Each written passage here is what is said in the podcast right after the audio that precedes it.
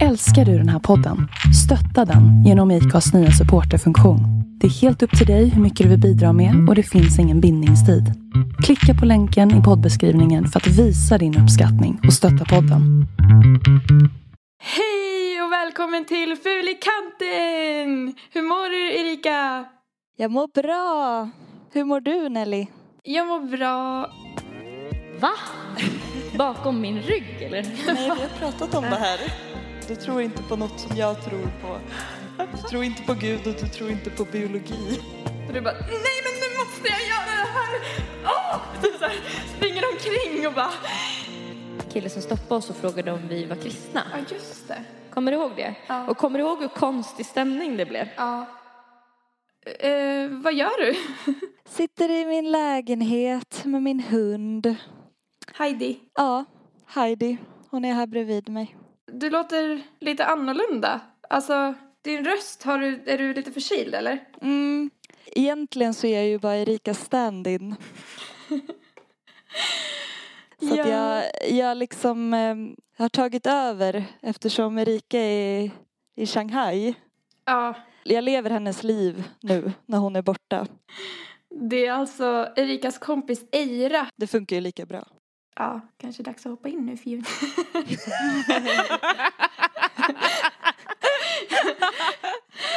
Ja, det där var ju jättekul. Mm. Det fick ni verkligen till. Jag, jag är ju här, fast jag kommer inte vara här när ni hör det här. Nej, för att förtydliga då. Vi har en gäst idag. Och det är Eira. Och eh, Erika är i Shanghai nu när ni hör det här. Men det här är förinspelat så att, ja. ni fattar grejen. Yeah. Yeah. Hur mår du Nelly? Jag mår bra sa jag ju. Nej, jag skojar. Nej, men jag mår bra. Jag är typ lite hispig känner jag. Lite... Har du druckit för mycket kaffe? Ja, jag tror det. Jag är sjukt pepp idag i alla fall. Till skillnad från förra gången. Mm.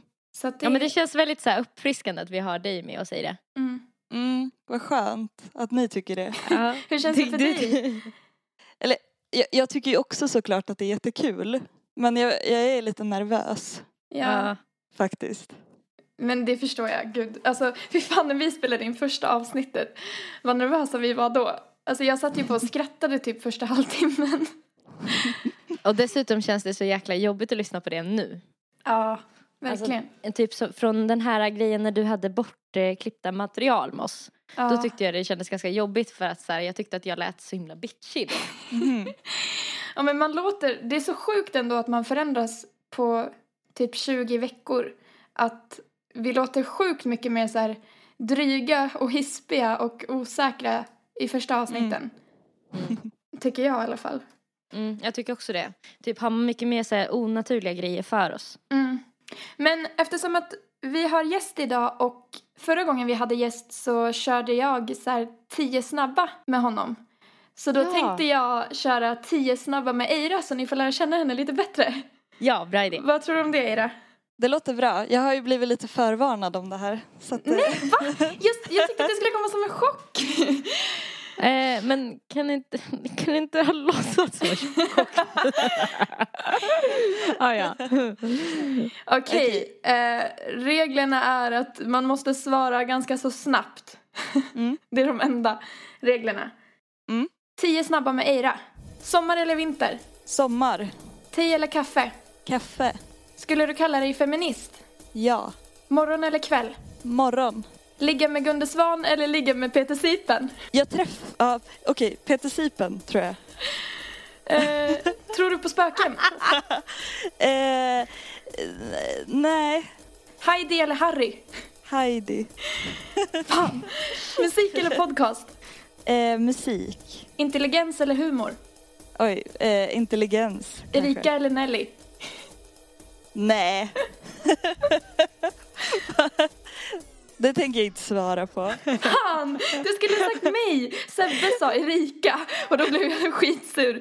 Så då tänkte jag jag ska fråga dig igen. Ja, shit. Ja, vi Jag får ha mycket- en liten sån samla typ våra poäng, vem som tycker mest om oss båda. Ja. Det är fortfarande 1-0 till mig då. Nej men då är det 2-1 då för att vi får varsitt poäng nu. Ja, ah, För okej. att hon inte, hon är så diplomatisk. Ja. Du vill bara ha ett poäng. Jag visste att du hade träffat Peter Sipen, Eira. Det var därför jag tog med hans namn. Jag förstår. Jag skrev till Erika ehm, innan vi började podda och skrev så här, skriv någon kändis som Eira gillar eller hatar. och då skrev hon Peter Sipen för att hon träffade honom nyss. Ha. Men Peter Sipen är väl lite snyggare än Gunde Svan? Eller? Yngre väl, eller? Nej, är han yngre? Du, Mer solbränd i alla fall. ja, Definitivt. du skrattade så mycket Erika när jag sa Peter Sipen. Jag tyckte det kändes ändå ganska självklart. Jag, vet- jag vet inte, det var bara för att jag fick bilder i huvudet av er två ihop. Ni känns som ett så omak, otippad match. Ja, jag förstår. Ja, men det tror jag vi är. Ja, fast Gunde Svan också. Alltså, det är ju lite pest eller kolera på den frågan. Ja, Mm. verkligen.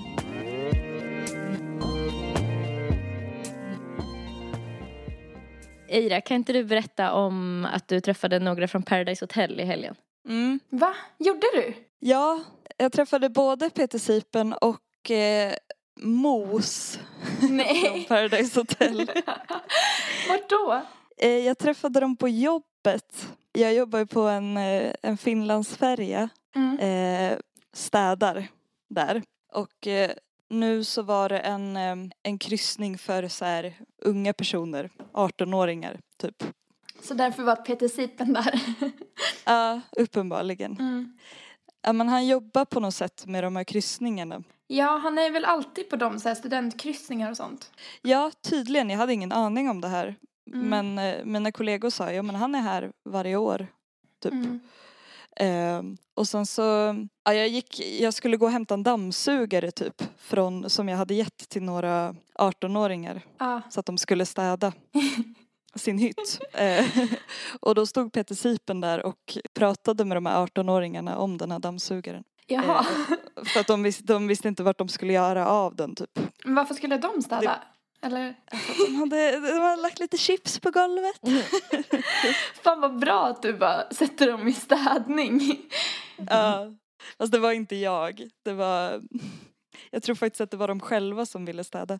Men Jaha. gud, det låter inte som en så party så studentkryssning. Men eh, hallå, känns det inte lite deppigt så här, Peter Sipen? Men det kanske vi kan fråga Nelly. Vet du hur han blev känd? Nej, alltså nej, jag vet väldigt lite om honom. Var, var han med i någon så här dokusåpa eller någonting? Det känns som en sån reality-stjärna. För vi pratade lite om det här innan jag och Eira och så tyckte vi att det kändes lite kul att så här, eh, om man tänker att han kanske var med i någon sån dokusåpa och sen så det är liksom den vägen Mos också kommer gå så här 20 år senare fortfarande kvar på Finlandsfärjan. Liksom. Ja. ja, men det känns väl som det. Det är konstigt att alla vet vem han är men man har ingen aning om vad han har gjort.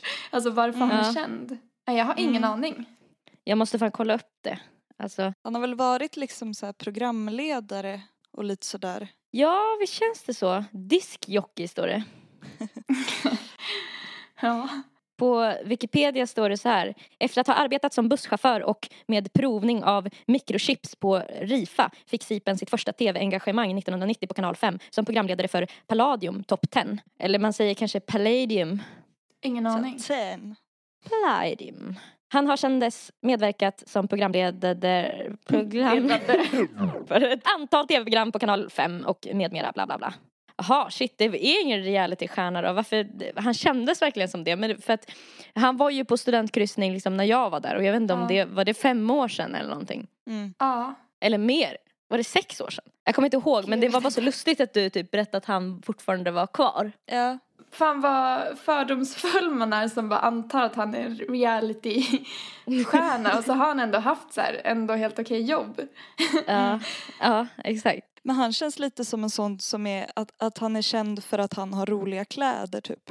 Ja. För att jag tror att jag mest känner igen honom från något så här modeprogram som jag såg. Där han liksom gick runt på typ så här Beyond Retro Va?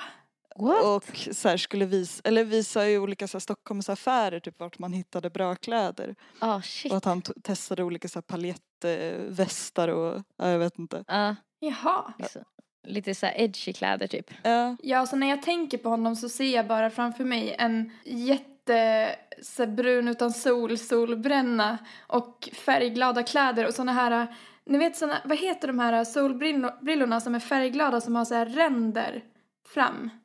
Shade, nej vad fan heter de? Ja, det var de som de här LMF Wow hade. Ja, Eller precis. Maufau. Vad fan heter de? LMFAO. LMFAO. Som hade några så här riktiga partydängor. Mm. Mm. Sexy and I know it. Är det inte de? Jo, Jo, det var nog det tror jag. jo det är det. Hade ni några sådana? Nej. Alltså jag tror ju att du har haft sådana. Ja. Men jag skulle in, inte ha gissat på att Eira hade haft sådana. Men var det inte du och jag som köpte såna på typ Peace and Love någon gång? hade vi vita? Jag hade röda, vet jag. Ja. Men man använde ju aldrig dem alltså, seriöst utan det var ju bara, vi köpte dem när vi var fulla på Peace and Love typ och sen hade man Ja. dem aldrig igen. Jag tror att jag tyckte det var lite, för att jag hade ju den här Adidas-stilen ganska länge. Mm. Ja. Hur många Adidas-tröjor hade du som mest? Alltså det här var ju innan vår tid va? Eller hade jag Adidas-kläder när, när vi lärde känna varandra Eira? Nej. Alltså Erika i, i gymnasiet var ju hon besatt av såna här Adidas-jackor med dragkedja. Och jag var så avis för att de var ju så himla dyra. Så att jag, jag hade en och det var en typ i storlek large kill-storlek som jag hade snott från min storebror. Så det var mer en så här wannabe, ja. du ville ha den stilen? Ja. ja. Nej, alltså när jag lärde känna dig Erika så hade du ju mest väldigt mycket beigea kläder typ. ja just, just det, hudfärgade grejer och så hade Ja. jag jättemycket slingor. Mm. Typ. Mm, just det. Ja. Men hur många Adidas-tröjor tror du att du hade? Jag tror jag hade kanske sju eller någonting. Det är ändå mycket med tanke på Ja. priset och att man gick i gymnasiet. Ja, men jag hade också någon sån där som jag hade stulit av något ex eller sånt där. Jag kommer ihåg att jag fick låna en Adidas-tröja av dig. En vit med typ röda ränder. Ja just det, den. Och att jag kände mig så jävla cool när jag hade den. Ja. Ja. Vad hade du för kläder i gymnasiet Ida? Eh, I gymnasiet, alltså jag tror att jag fortfarande, för att i högstadiet så hade jag jättemycket så här um, loppiskläder. Typ att jag på något sätt hade liksom hört att det var lite coolt att köpa kläder på loppis. Ah. Typ att så här fynda på loppis. Men grejen var att jag liksom inte riktigt fyndade någonting. eller så här, inte riktigt visste riktigt så här, vad, jag, vad det var jag letade efter. Ja. Så att det blev väldigt mycket så här fula saker. Typ jag hade några så här eh, eh, utsvängda svarta sammetsbyxor med något så här blommönster på. Guldigt blommönster. Men då var du typ före i tiden ju. ja verkligen för att det här låter ju så mycket coolare än vad vi var coola. Alltså Ja, gud. Alltså, jag sätt. tycker Men jag ju- känner ofta så med Ira typ. Alltså att hon typ eh, lyssnade på så här band. Alltså du lyssnade ju typ på The Knife i högstadiet. Ja det gjorde jag. Alltså Gud, det gjorde inte jag. nej jag var så töntig. Alltså, Fast jag hade, alltså det var inte några bra kläder. Alltså, och jag kommer ihåg att det var så här eh, de, de coola tjejerna som gick eh, på um, idrottslinjen på, på mitt högstadium. Eh, att de så här, eh, stod och så här stirrade på mig när jag hade på mig de här byxorna. Mm. Och att när jag gick förbi dem så sa de så här, snygga byxor. Åh fy fan vad elakt! Jag hatar mean girls i högstadiet alltså. snygga byxor. Men de var ju kanske Något. inte inne då, men de är ju inne nu och det är därför man tycker det, att du var... Alltså om de skulle titta tillbaka på det så skulle de ju bara, fan vad hon var före i tiden, det skulle säkert hon, de också tänka nu. Men då var det ju Ja. typ något helt annat som var inne. Fast sen vet jag inte, Kanske. För vi bodde ju i Dalarna så att saker som var inne här var säkert inte inne där du bodde. Vart bodde du? Jag bodde ju i, i Skåne, i Tomelilla då. Just det, pratade du skånska då? Nej, Nähä, jag har aldrig gjort det. hur kommer det sig? Eh, alltså mina föräldrar är ju inte från Skåne. Nej. Även om jag är född och uppvuxen där. Och sen har jag ju två eh, bröder som pratar skånska. Så att, Just det, de pratar ju skånska fast det, du gör ju inte det. ja, Vad konstigt att du inte haffade den dialekten när du ändå är född där. mm. Men jag tror att det så här, har att göra lite med liksom vilka kompisar man hade typ. Hade inte du För det- skånska kompisar eller? Nej, utan jag hade många sådana inflyttade liksom. Från, alltså det bor ju, jag är ju från Österlen. Fast och du hade väl inte så mycket vänner? Men, Jo, men alltså. What? Så himla taskigt. Jo men när- när jag var liksom riktigt liten så Ah, var vi ju okej. så här ett, eh, vi var ju liksom ett gäng så här typ konstnärsungar. Alltså Ja. bor ju jättemycket liksom inflyttade konstnärer och musiker där Gud i det området. coolt. ja, jag blir avundsjuk. Jag med. Nej men och de pratade ju inte skånska heller så att ehm, Ja, men då är det ju mer förståeligt. Själv Ja. hängde man med så här daladrägg som åkte moppe och epa och typ... ja, jag vet inte.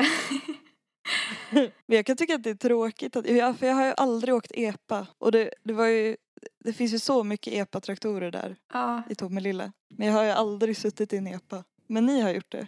alltså jag tror Jag bara jag har gjort inte. det en gång. Det var mest moppar. det var mer ett skryt. Men jag vet, alltså folk hade ju det runt omkring men inte typ mina två bästa vänner, de hade moppar. Eh, men inte jag. Så jag åkte bak på deras moppar hela tiden. Mm. Det här bara fick mig att kom, komma på en gång när jag körde över en kille, alltså körde över hans fot med min moped. Med Men flit. För att jag tyckte, ja, för att jag tyckte att han var så jävla dum. För han, för han stod i vägen när jag skulle köra. Var det bara det? Alltså, Nej men jag, ja, nej men alltså jag tror att han stod i vägen och försökte preja vägen typ. Mm. bra. Han var så här en av de jobbigaste killarna i Rättvik. Mm, man ska sätta karttimrarna på plats. Exakt. Ja gud, jag vet inte om det känns, det känns inte som något att skryta om. Men jag är ju stolt.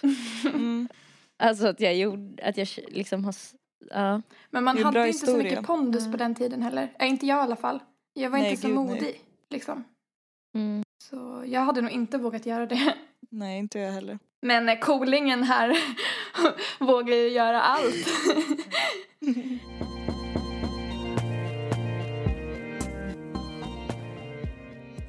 I- Igår kväll när jag skulle sova så kunde jag kunde verkligen, sov ni gott i natt? Nej, alltså jag drömde mardröm, men det kan vi ta sen. Ja, sov du bra? Mm, jag sov helt okej. Ja.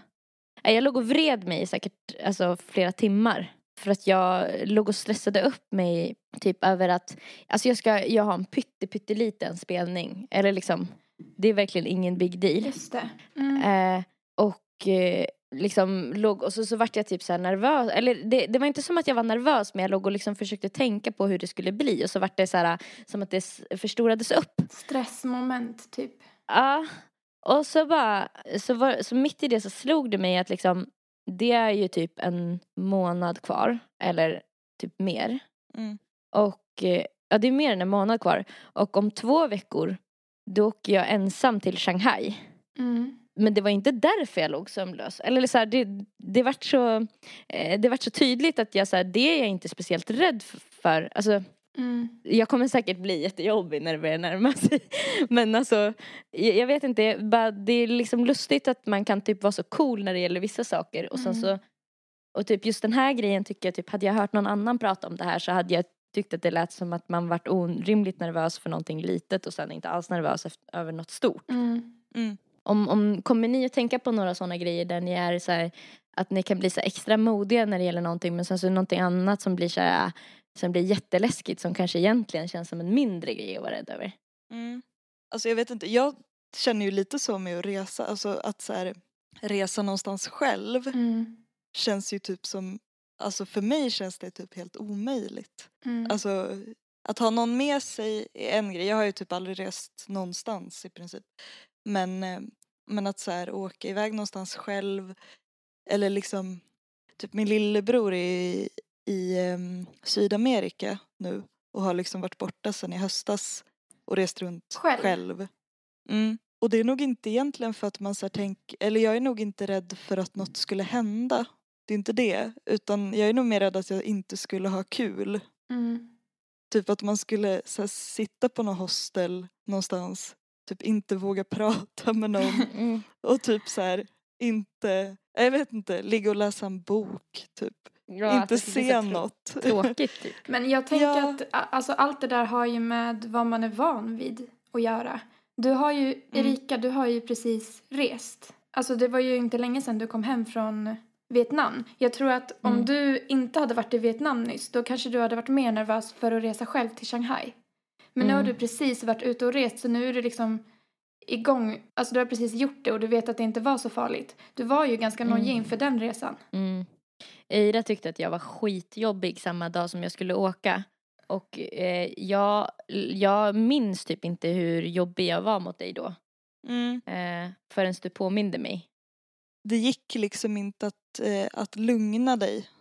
Vad då? Jag, Om vad? Berätta. jag var ju eh, hos Erika morgonen hon skulle åka med flyget till Vietnam.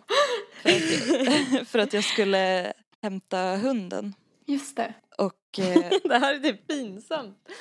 för att, det är inte så pinsamt. Nej. Alltså man förstår ju att man blir stressad liksom.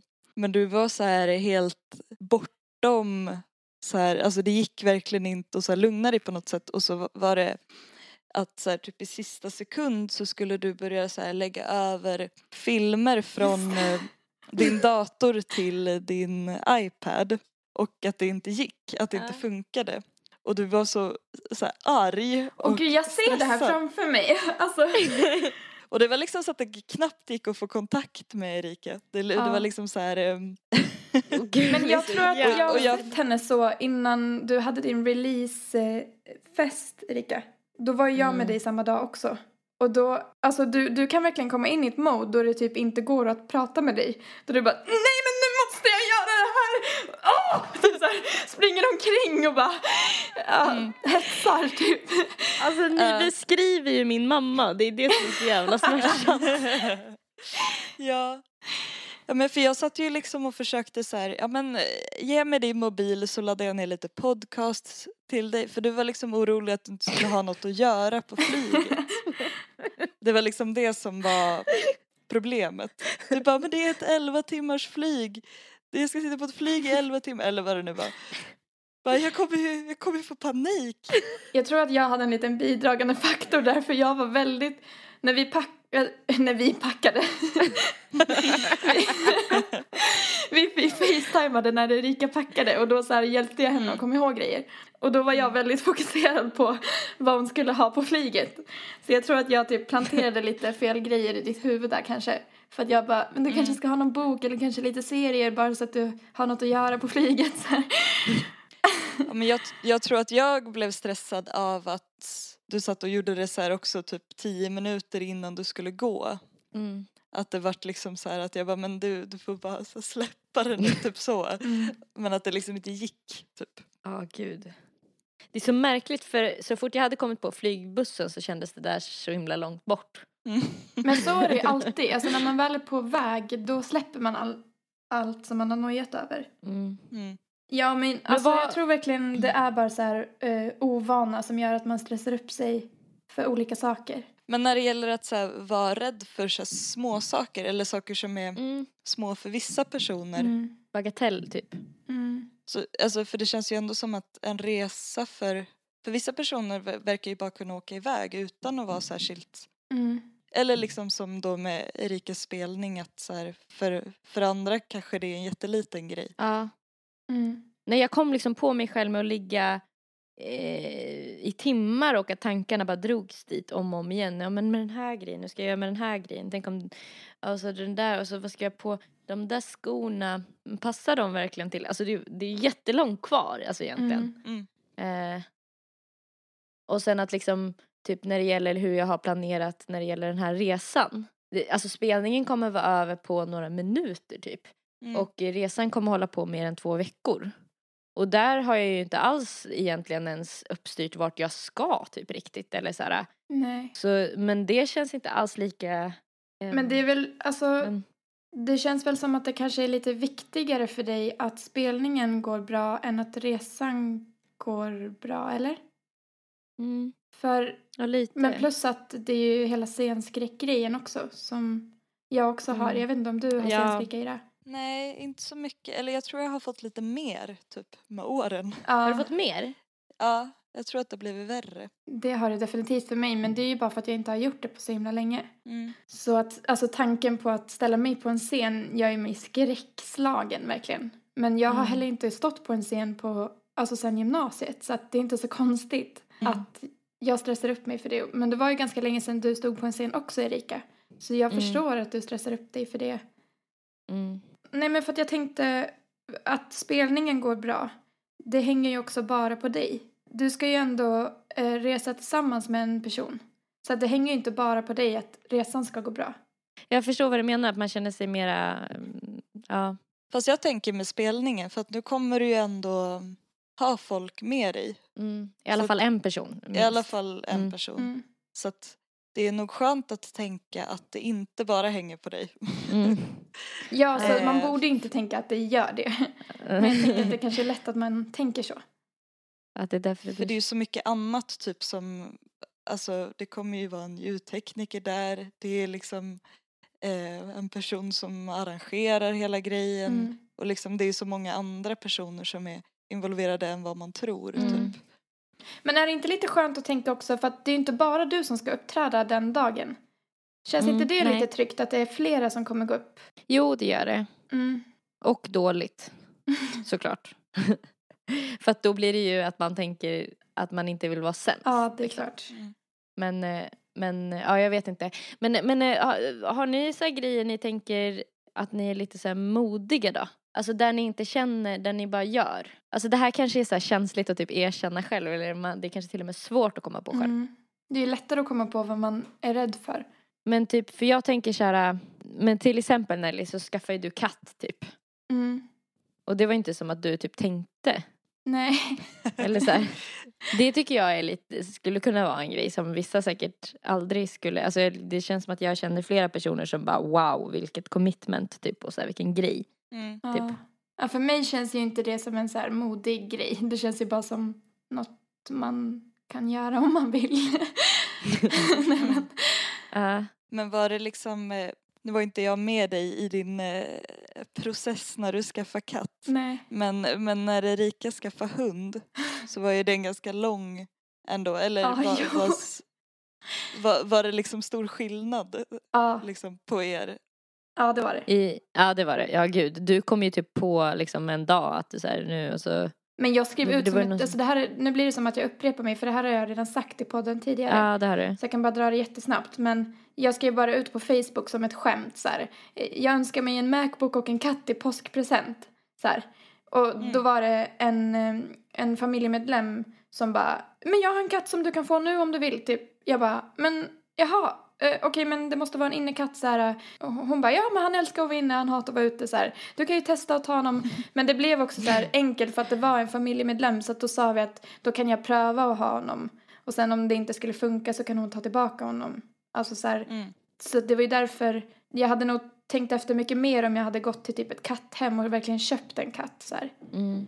För nu visste jag att jag hade en plan B, eller så här att jag hade en utväg ifall att det inte skulle funka. Mm. Så då körde de bara över honom en dag och sen så har jag haft honom sen dess. Mm. Men Erika satt ju och googlade och kollade videos på uppfostran och ja, allt möjligt.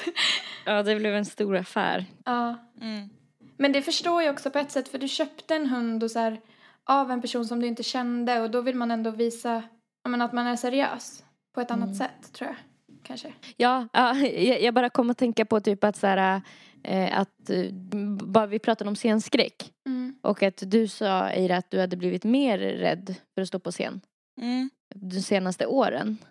Men du har ju gjort det Mm. de senaste åren. Vad beror det på tror du? Jag vet inte riktigt. Jag tror att det kanske blir... Eh, det är väl lite som att... eh, Eller så här, jag, jag spelar ju gitarr. Och typ i början när man spelade gitarr, när man lärde sig liksom. Eh, då var varje litet framsteg kändes så himla typ stort. Mm. Alltså att man ehm, bara, fan vad det låter bra, typ så här. Nu Mm. kan jag ta G-dur. Fan vad jag är bra. Brukade du trycka in det i nya låtar då? Ja, ja Ja. men det är klart. Ja. eh, men, men sen så liksom på något sätt ju mer man, eller ju mer man lär sig, alltså stegen blir ju större.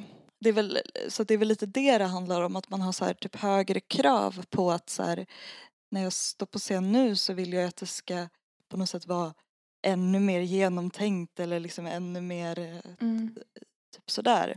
Den där grejen känner jag igen så himla mycket. För att det känns just inom musik som att ju mer man lär sig desto mer inser man att man har så himla långt kvar. Typ, Mm. Mm. typ som jag som precis har börjat prodda eller precis, men det var ju inte så länge sedan jag började prodda i Logic. Och i början var jag så här, när jag kunde sätta ihop typ några enkla grejer så kände jag mig som en drottning. men eh, nu när jag kan mycket, mycket mer så känner jag hur lite jag kan. För att jag är också medveten om så här, hur mycket mer det finns att kunna. Mm. Så det är väl kanske den grejen. Man ställer högre och högre krav på sig själv också. Mm. Ju mer man lär sig. Ja, har det blivit mer nervöst av att gå på Fryshuset? Ja, det, jag tror det lite grann. Alltså så här, när man, när man har så mycket duktiga människor omkring sig så blir det ju, ja men det blir ju lite läskigare eller det blir lite, alltså man kan känna lite när man har så här, när man har spelningar när det är mycket musiker i publiken. Mm. Jag kan bara tänka Mm. mig. Ja, gud. Hur känner du av den tanken? Nej. Jag bara... Jag fick typ en klump i halsen. Man, vi hör hon börja gråta stilla. Så här. Ger upp här borta. Uh, nej men det är ju lite, alltså det, det, det tror jag i och för sig att alla på min skola känner. Mm. väldigt mycket. Att man känner sig väldigt liksom bedömd Ja. hela tiden. Men, eh, men det är väl att så här, när man har hållit på med musik ett tag så lyssnar man ju på musik på ett lite annat sätt. Mm. Eh, så då blir man ju rädd att folk ska börja lyssna liksom typ sjunger hon lite surt nu eller eh, typ eh, är, det, är ackorden intressanta? Mm. Eller Vad liksom- Är de tillräckligt där? Mm. Ja men precis.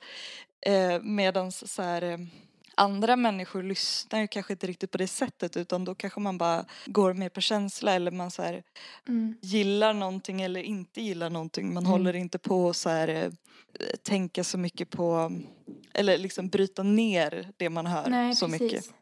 Mm. Man hör bara en låt så, här, så bestämmer man sig för om den är bra eller inte. Typ.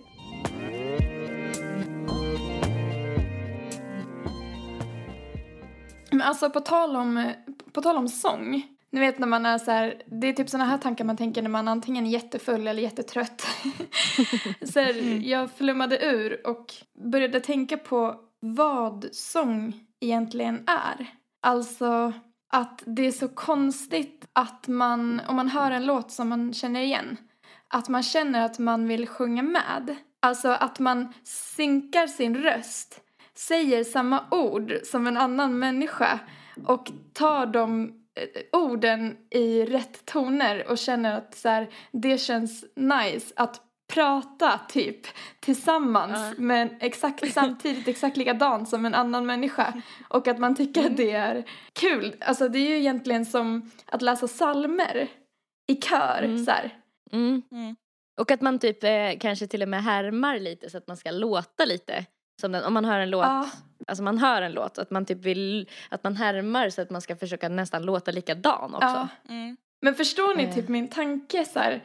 eh, Att jag slogs bara av hur konstigt själva grejen är. Att man så här, sitter hemma och vill låta och säga exakt samma saker som en människa som har spelat in det någon helt annanstans. Så här. Mm. Men det, det är lite, är det inte det som är lite coolt med sång också att det är så typ kroppsligt, alltså det är lite som dans typ nästan. Ja. Alltså det är så här, det, är, det är så typ direkt från kroppen. Alltså Ja. så här, Det är som en reflex. Att man bara vill sjunga med. Att man vill säga samma saker.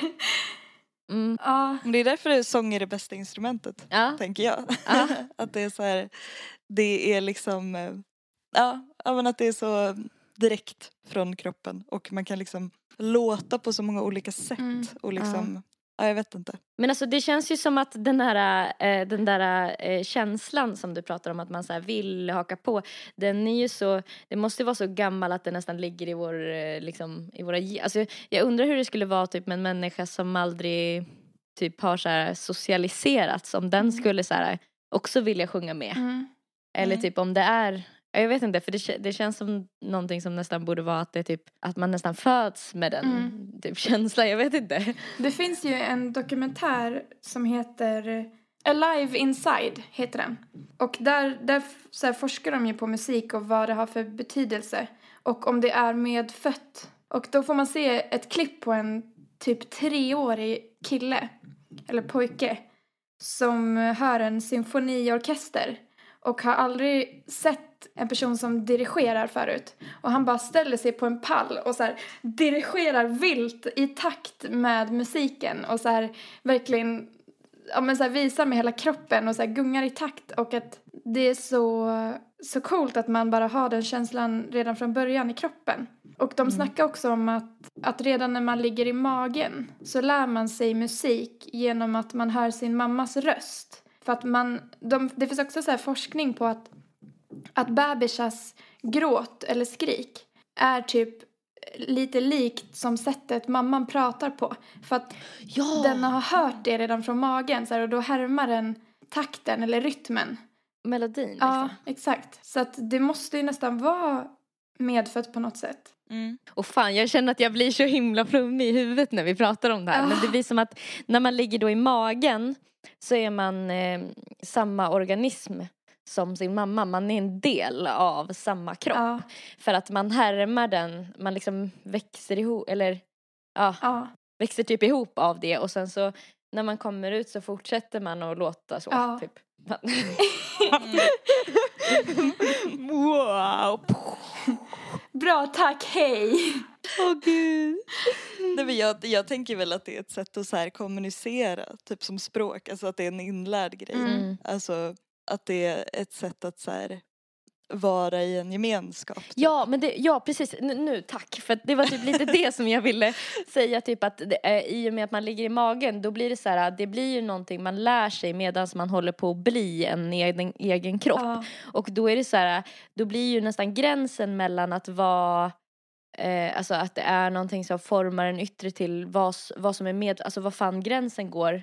Alltså hänger ni på, med på hur jag menar Ja, nu mm. eller behöver jag förklara mig mer? nej jag fattar. Alltså typ så här, vad går gränsen liksom mellan att eh, någonting är medfött då och någonting man, eh, som är miljö? Kan man säga att miljö, när räknar man, för man brukar prata om arv och miljö, var, varifrån, för att arv brukar man ju mena är arvsmassa men jag tänker typ att om man, alltså man formas ju medan man ligger i magen av saker man hör. Mm.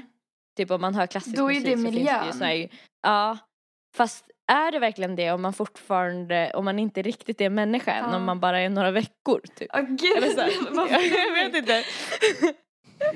jag bara, Nej men jag fattar vad du menar. Alltså ja, det blir en jävligt svår gräns att dra. ja. alltså i alla fall med det, men det, det finns säkert, det här finns det ju säkert grejer man brukar säga liksom, men.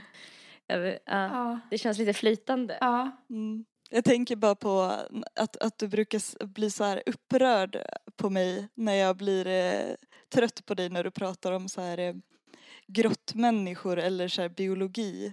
Att Vänta, att du blir, att jag blir. du blir tr- irriterad på mig för att jag är så här, eller du har sagt någon gång så här, du Eira, du hatar allt som jag tycker om. Du hatar Gud och eller du tror inte på no- du tror inte på något som jag tror på.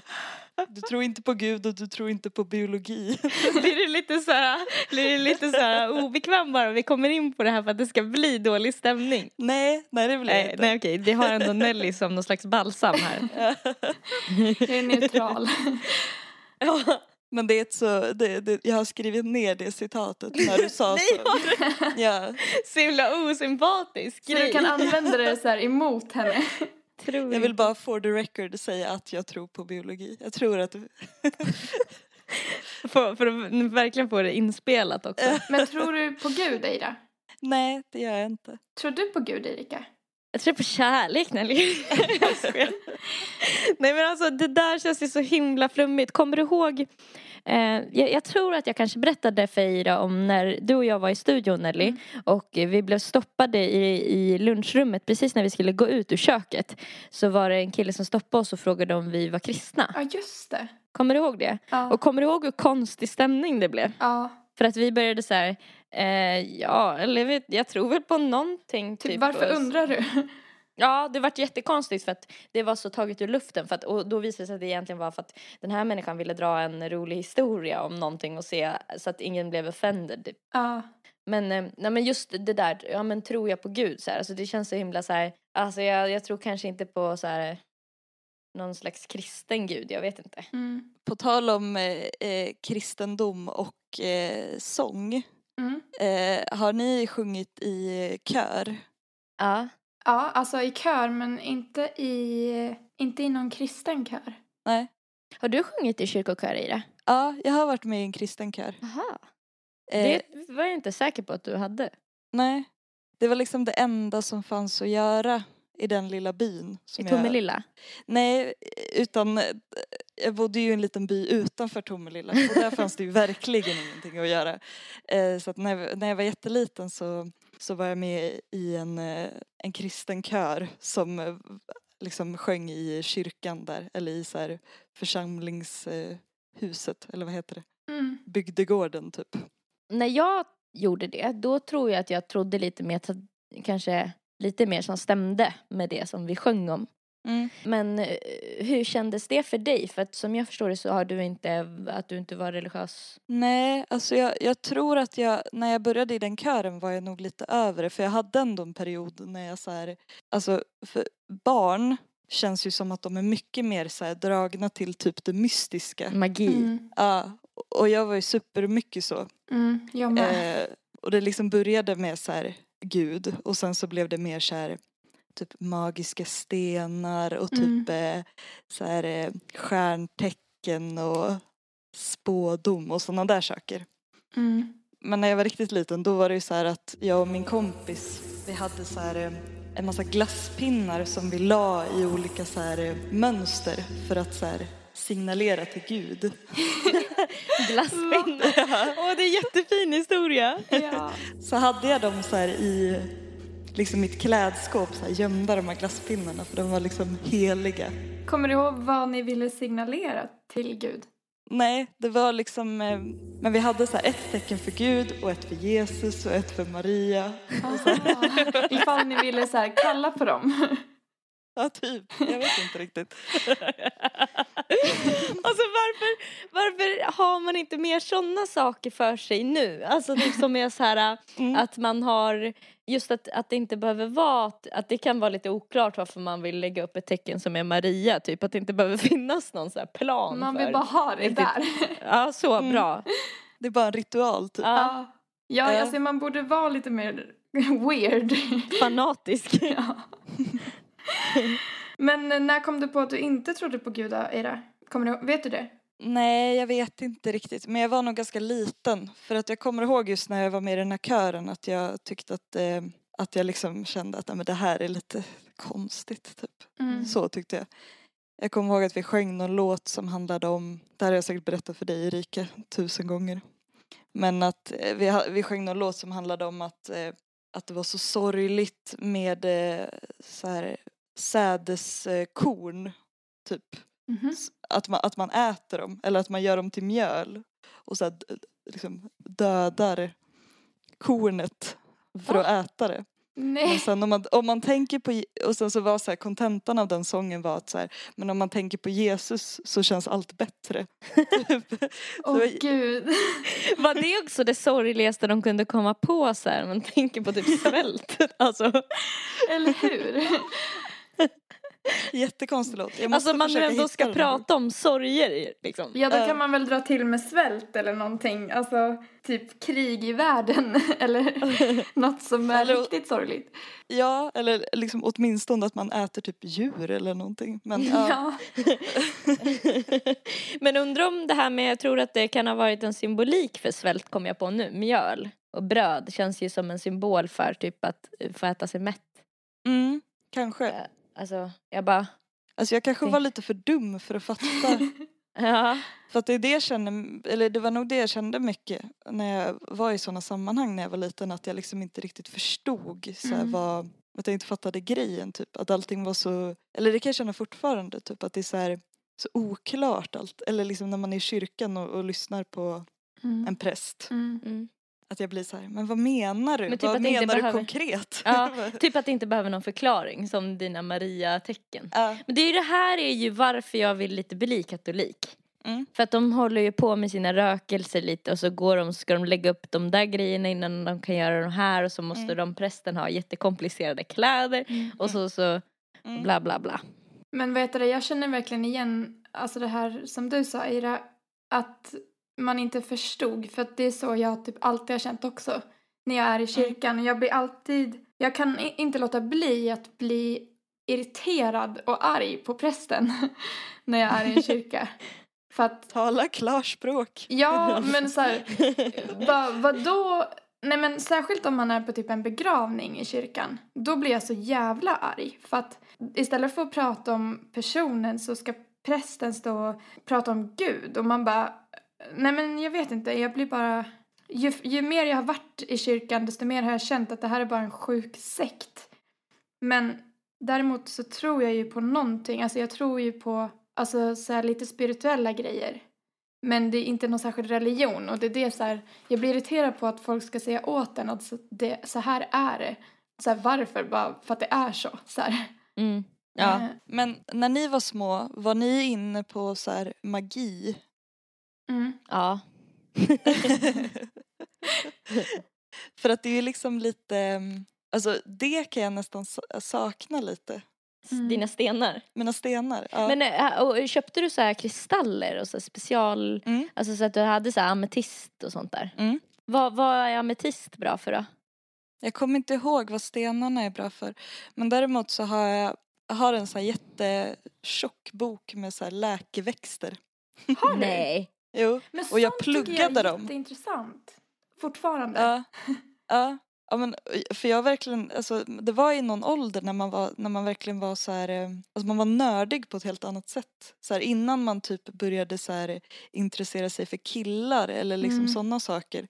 Jag vet inte om ni hade det också men då, jag hade en period i alla fall när jag var liksom så här, verkligen en nörd på, på just, just den där grejen. Att man liksom verkligen satt och så här pluggade in så här, ja men den här växten den är bra Mm. vid så här eh, förlossningar som någon sorts, alltså, Mm. så här, man, man ju aldrig använda det till någonting eller så men man tyckte bara att det var jävligt coolt typ. Ja.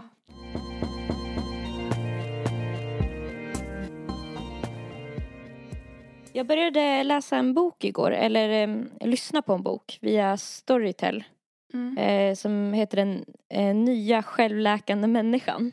Mm. Och det, eh, den är väldigt så här, för typ naturläkemedel och, och typ sådär. Och eh, de, den går väl ut på någonstans kan man säga att typ de här kemikalierna vi får typ i vården, alltså den är, är ändå lite vinklad så att eh, naturläkemedel Ja, det, det pratas en hel del om det här med typ att eh, alltså läkemedelsföretagen är ju så vinstdrivande Mm. och därför vill de inte forska om så billigare alternativ för att då kommer de inte tjäna lika mycket pengar bla bla bla. Ehm, visste ni förresten att eh, alla våra celler, alltså vi, vi byts på ett år ut till 98 procent.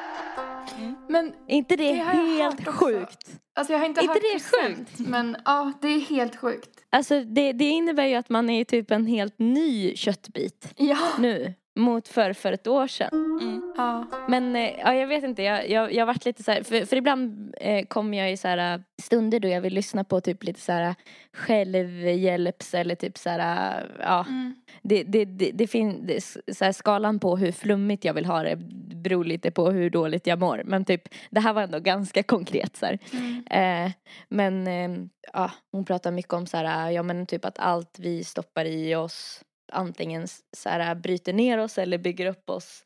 Och så, här, så tänkte jag så här, oj det här kan ju typ, det skulle kunna bli väldigt stressande att läsa den här boken. Mm. Samtidigt som, jag vet inte, jag gillar lite att, att lyssna på sådana grejer för då känns det som att jag påverkas lite undermedvetet nästa gång jag typ ska välja pommes frites eller morötter på Donken. Mm. Mm. Ja men faktiskt, det är nog bra. Men blir du stressad av självhjälpsböcker eller hj- hjälps du? Jag, jag tror att jag hjälps mest. Mm. Jag gillar ju att lyssna på, alltså om jag hittar någon riktigt bra så kan jag lyssna på det, alltså den jag lyssnar på flest gånger håller jag säkert på att lyssna på för femte gången nu. Mhm. Bara för att jag verkligen vill så här få in det så att det ska vara typ, ja men så naturligt så att det typ inte, att, att jag inte ska behöva tänka så här, vad stod det i den här boken utan att, att jag ska, för den boken handlar mycket om så här ett positiva ta- tankes, tankesätt. Mm. Eh, men det brukar kunna vara så, här, så himla olika utifrån vad jag mår, vad jag behöver höra. Mm. Ibland fu- funkar det inte att lyssna på podcasts liksom. Mm. Utan då behöver jag höra en så här röst som låter lite drogad som bara Andas in. Andas ut. Mm. Allt kommer komma till dig. Du. Mm. Eller så här bla bla bla. Men, men jag tänkte fråga, vad, har ni några sådana liknande alltså så här strategier? Typ om ni känner så här, den här dagen är en potentiell ångestdag typ. Jag, jag vet inte, alltså det är så olika precis som du säger. Ibland vill man ju nästan liksom gå in i ångesten. Eller så här, inte ångesten kanske, men om man är ledsen över någonting. Mm. Jag vet om, alltså så här, om man har blivit dumpad typ. Mm. Då kan man ju typ nästan vilja gotta sig lite i den känslan. Alltså så här, typ lyssna på låtarna vi lyssnade på tillsammans och så här, Mm. kolla på alla bilder på Facebook.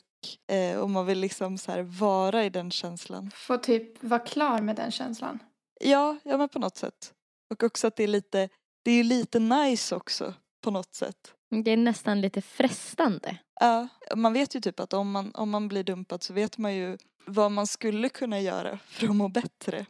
Mm. Typ, man skulle kunna bara så här, typ ringa en kompis, eh, göra något annat typ. Alltså liksom bara distrahera sig eller bara liksom sådär. Mm. Men man blir ändå så typ sugen på att få vara sådär typ självömkande eller sådär eh, ledsen. Men så Eller känner typ inte jag. Alltså, jag blir inte sugen på det men jag förstår vad du menar för ibland när jag mår dåligt så kan jag medvetet inte se till så att jag mår bättre ibland. Alltså ibland. Mm. För att bara, jag vet inte, för att man känner att man bara behöver det just nu. Mm. Men jag tror också att det är ganska viktigt, alltså just om man blir dumpad, att inte direkt försöka eh, bli glad för då kommer det där komma ikapp en tror jag. Alltså jag tror det är viktigt att man får bara sörja, det är ju som att någon dör. Mm. Alltså man måste bara få sörja färdigt först och sen, sen jag tror inte man riktigt kan bli glad om det där ligger och gnager. Mm. Men ja, det är ju olika, det beror ju på vad man alltså, känner ångest eller är ledsen över. Mm. Men om det är så att man inte kan så här, ta sig ur känslan Mm. så kan det också vara liksom att man bara fastnar i någon sorts spiral och Mm. liksom bara vill komma ur det. Då tycker jag typ att det funkar jättebra att typ så här, tvinga någon annan att säga till en Mm. eh, vad man ska göra. Alltså jag, jag kommer ihåg någon gång när jag hade någon så här, jag hade jättemycket ångest och att jag ringde Erika och jag tror att jag skulle upp och jobb, jobba dagen efter. Och att jag liksom, det blev så extra ångest av det Mm.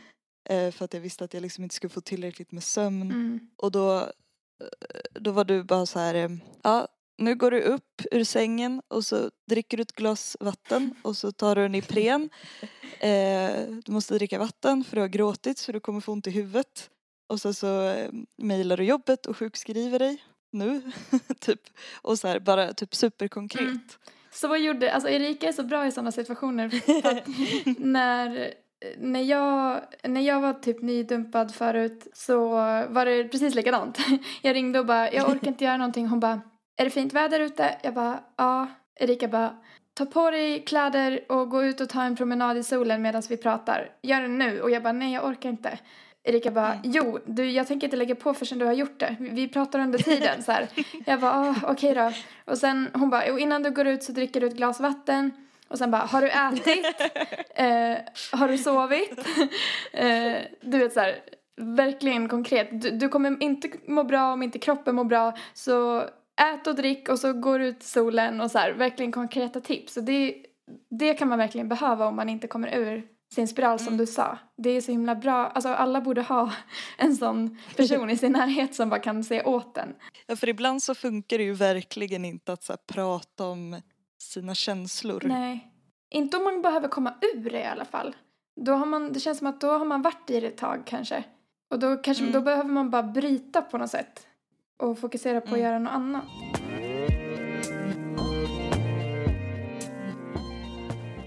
Ingen av oss är ju från Stockholm. Nej, just det.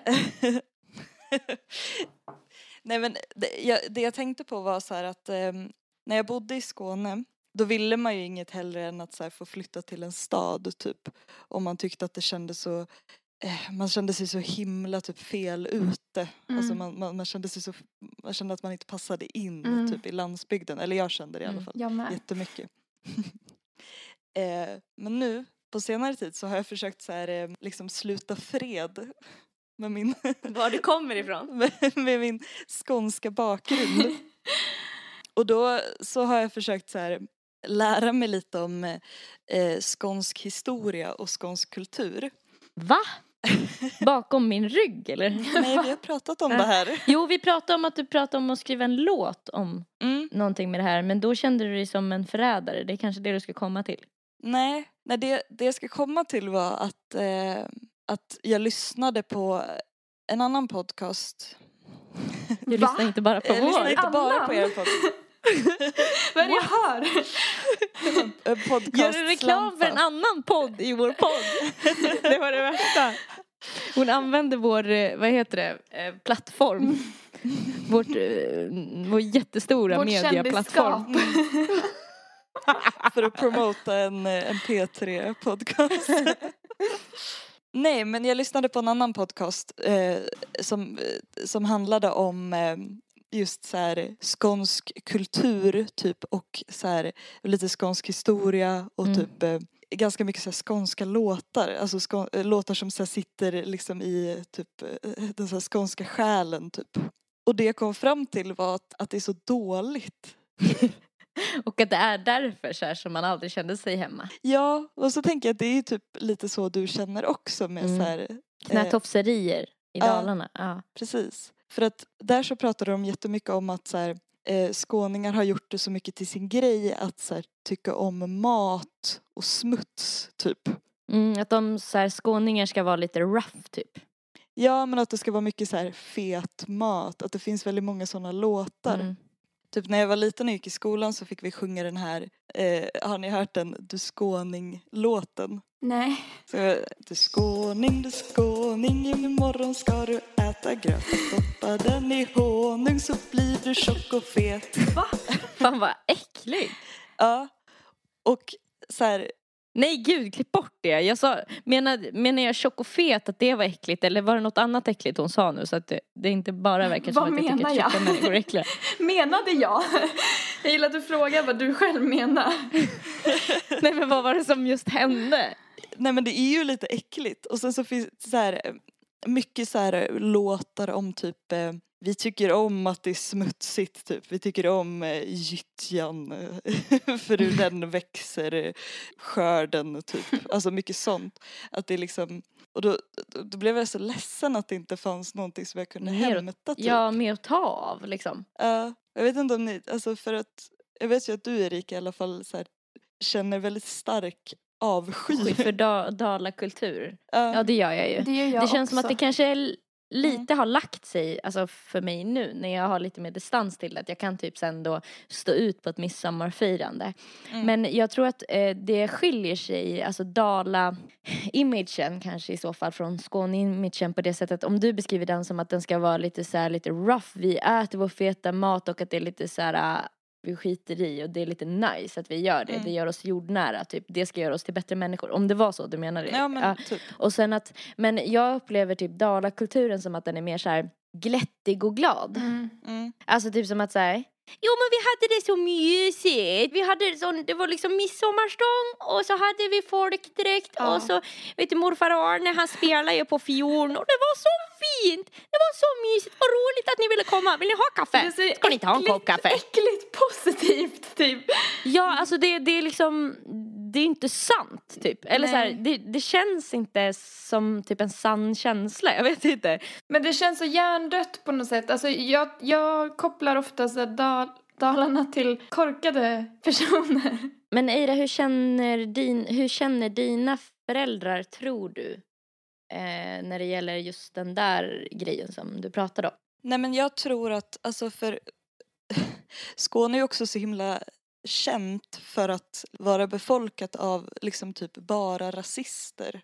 Och jag hörde också någonting om att skånska är den liksom minst populära dialekten, alltså den som folk tycker minst om. Mm. Och jag tror att alltså mina föräldrar är nog ganska mycket så att de har försökt liksom distansera sig lite från det där att liksom, ja men vi är inte en av de här bönderna som liksom eh, röstar på Sverigedemokraterna och Mm. liksom allt det där. Att, att de har nog försökt att säga nej men det där har inte med oss att göra typ, vi har bara råkat hamna här. Men visst är inte dina föräldrar från Skåne, Eira? För Nej, det har vi ju alla gemensamt. Att ingen av våra föräldrar är från stället vi är uppvuxna på och det måste ju vara därför. Mm. Alltså för min mamma är från Norrland och min pappa är från Stockholm. Så att jag har ju nästan Mm. ingen släkt i Dalarna.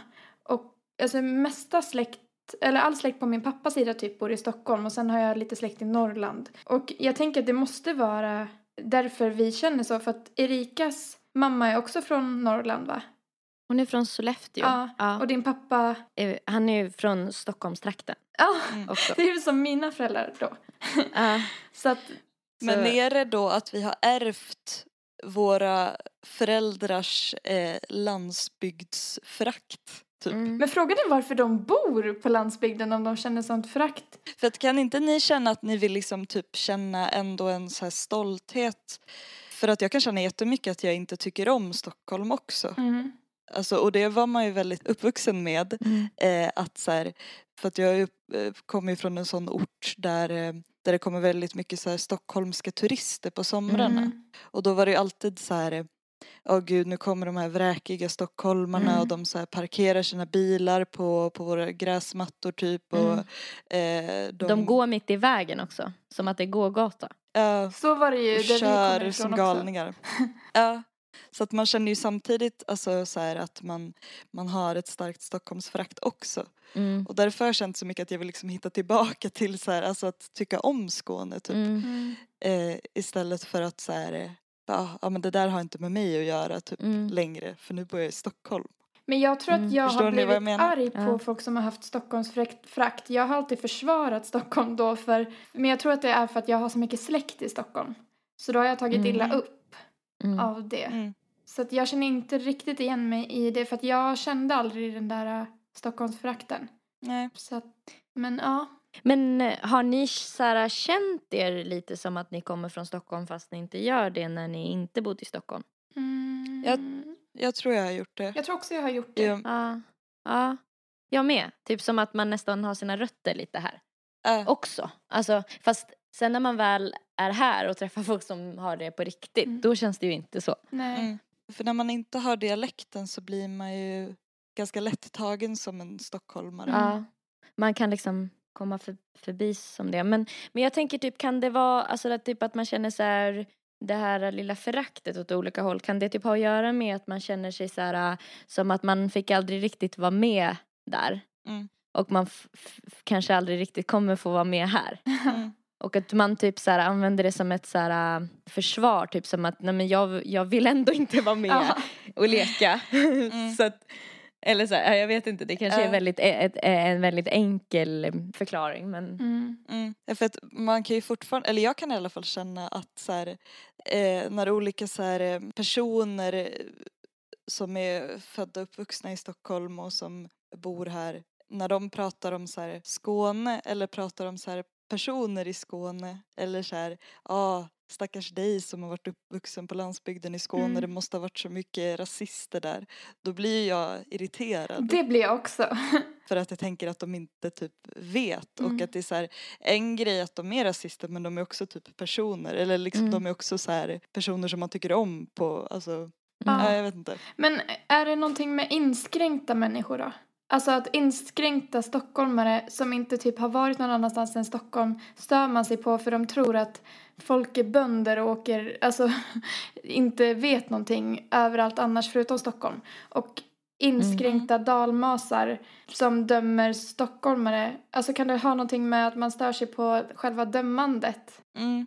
Och kanske för att man känner, eftersom man känner sig som lite både och Ja. så känner man sig så här förolämpad eftersom att Eira är ju en skåning Ja. men Mm. hon är också en stockholmare så att det blir så här Mm. Men Sen är ju landsbygden också så himla mycket mer marginaliserad typ. Mm. Så att det är ju så här, det är väl att man känner, man vill typ vara på de små människornas ja, sida. de får inga Mm. pengar liksom från Ja, någonstans. Jag, det var en person som pratade med jag behöver inte kanske säga vem det var. Men eh, Nej vi glömmer ju ändå censurera ibland. Har hänt. Så att det är lika bra att du säger en person. Eh, nej men eh, som eh, jag berättade för honom att jag var från Skåne och då var han så här, ja ah, jag har ett eh, sommarhus i typ Dalarna eller Hälsingland någonstans, Mm. jag vet inte riktigt. Ni bara, det är inte samma sak. Va? Men Nej, gud, vadå? Alltså, jag skojar. jaha, Nej. jaha, jaha, jaha. Jag, jag skulle blivit offended. Jag märkte inte ens jag att det bara hände. eh, satte Hälsingland och Dalarna i samma. Mm. Nej men någonstans. Och så, och så sa han att så här, ja men det är så himla vackert på landet typ. Som att det är ens Skåne och, och Hälsingland är inte samma sak. Nej, det är så typ himla som ett exempel. Ja, men det är ändå Det är så här land. landet som Ja. landet, typ. Typ såhär, på Ja. tal om Skåne, jag har en stuga liksom i Gällivare. Man bara, Ja, va? Man bara, Men men och då s- okej. ja, ja, det var jättekonstigt. Men, men då sa han också så här att ja, det är så vackert där men det är så synd att människorna som bor där är så skräpiga. Och, eller att de har så fula hus. Va? Wow. Och De då- kanske inte har så mycket pengar. Ja, Hallå? Vadå skräpiga? Man kanske skräpar ner mycket mer i Stockholm, eller på vilket sätt är man skräpig? Ja men typ att jag tror att han så här menade att, att de har så här bilar som, lite bilar som står på tomten typ och Mm. lite så här eh, Alltså sådär, typ som att de förstörde hans Förfular eh, Det liksom- attraktiva. Ja, Mm. hans liksom sommar, sommaridyll typ. Nej men fy fan. Och jag blir lite upprörd. Ja visst blir man det. Nej men det är ju också så här lite klasshatiskt. ja Ja. verkligen. Det blir det. Men också så här att att så här- man kastar alla över en kant, eller vad det heter. Drar alla över en kam. Om ni vet vad det heter, då kan väl ni hashtagga fulikanten. Ja. Nej men att som att alla i Dalarna eller Skåne skulle vara fattiga eller skräpiga. Jag hatar fördomar. Ja, Mm. gud. Jag hatar också att man hela tiden måste hålla på och försvara sig. Typ när folk hatar Dalarna så försvarar jag Dalarna. Och när folk hatar Stockholm så försvarar jag Stockholm. Mm. Det är typ, har ni skilda föräldrar? Ja. Ja, jag vet att Erika har det. Men har du det? Ja. Ja. För att så tycker jag det har varit väldigt mycket där också. Att man hela tiden måste försvara. Om jag är arg på mamma till pappa, då håller han med. Och då måste jag börja försvara henne och tvärtom så här. Mm. Alltså att det har varit så mycket. Jag är så trött på att försvara saker. Ja. Det är som man, man, får, man får snacka skit om sina föräldrar för sina vänner men de får inte snacka skit om ens Mm. föräldrar. Nej, exakt.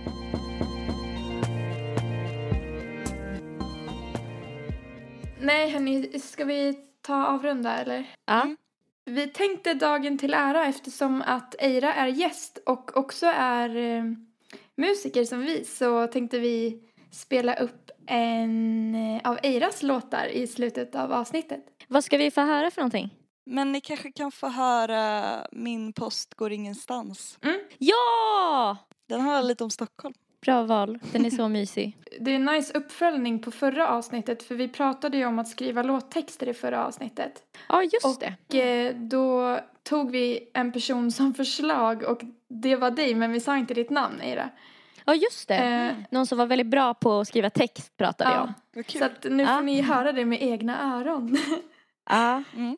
Okej, på Instagram så heter Nelly Nelpan. På Soundcloud heter du Nelly Malou. På Instagram heter Erika Zebratrack och på Soundcloud heter Erika Zebratrack där också. Och Eira, vad heter du på Instagram och Soundcloud? Eh, på Instagram heter jag Eira Jarild och på eh, Soundcloud så tror jag att jag heter Eira bara. Eller Eira Jarild. Eira Järil tror jag. Eh, jag vet inte. Eira Jarild. Ni får Ja. pröva. Men ni borde kolla in Ja. det i alla fall. Okej, då får ni ha det så bra. Puss och kram! Puss och kram. Hej då!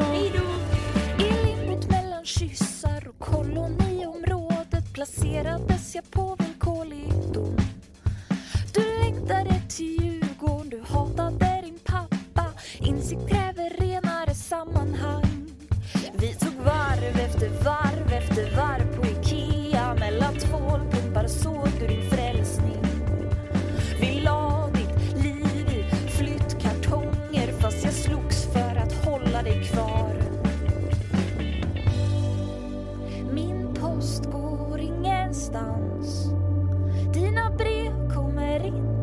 fram. Någon gång ska jag skriva mitt namn. Vi skulle vilja umgås, vi skulle vilja prata men livet konsulterar inte känslor. Så vi horar ut vår tid, allt tillfaller